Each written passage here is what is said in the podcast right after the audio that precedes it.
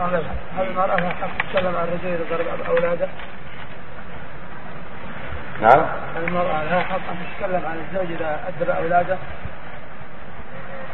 لا بأس أن تدخل في الموضوع إذا كان الزوج يسرف في الأدب وليس عنده بصيرة الأدب لكن بحكمة بأسلوب حسن بعبارات حسنة لا بالغلظة والشدة ولا بالأساليب التي تسبب فراقه لها أو شتمه لها ونحو ذلك أما كونه يقدم التأديب الصالح والتأديب المناسب فليس لها تدخل في ذلك لأن هذا مما يفتر عزمه ومما يؤسد الأولاد عليه. بل تعينه تعينه على ذلك وتدعو له تشجعه وتكون عونا له على تأديبهم فيما ينفعهم ويردعهم عن السوء. لكن بعض الآباء قد يسرف إسرافا كثيرا ويضع الأدب في غير محله فيؤدب على شيء يسير في أشياء كبيرة.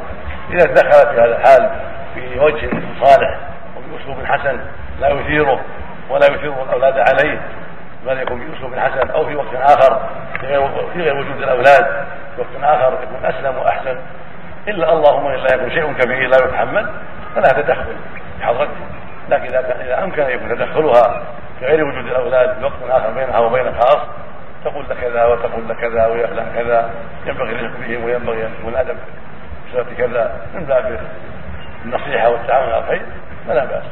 أما إذا كان تأديبه مناسبا وفي محله أو تأديب لم يتجاوز الحدود فإنها تعينه على ذلك تشجعه على ذلك عند أولاده وبغيبه اولاده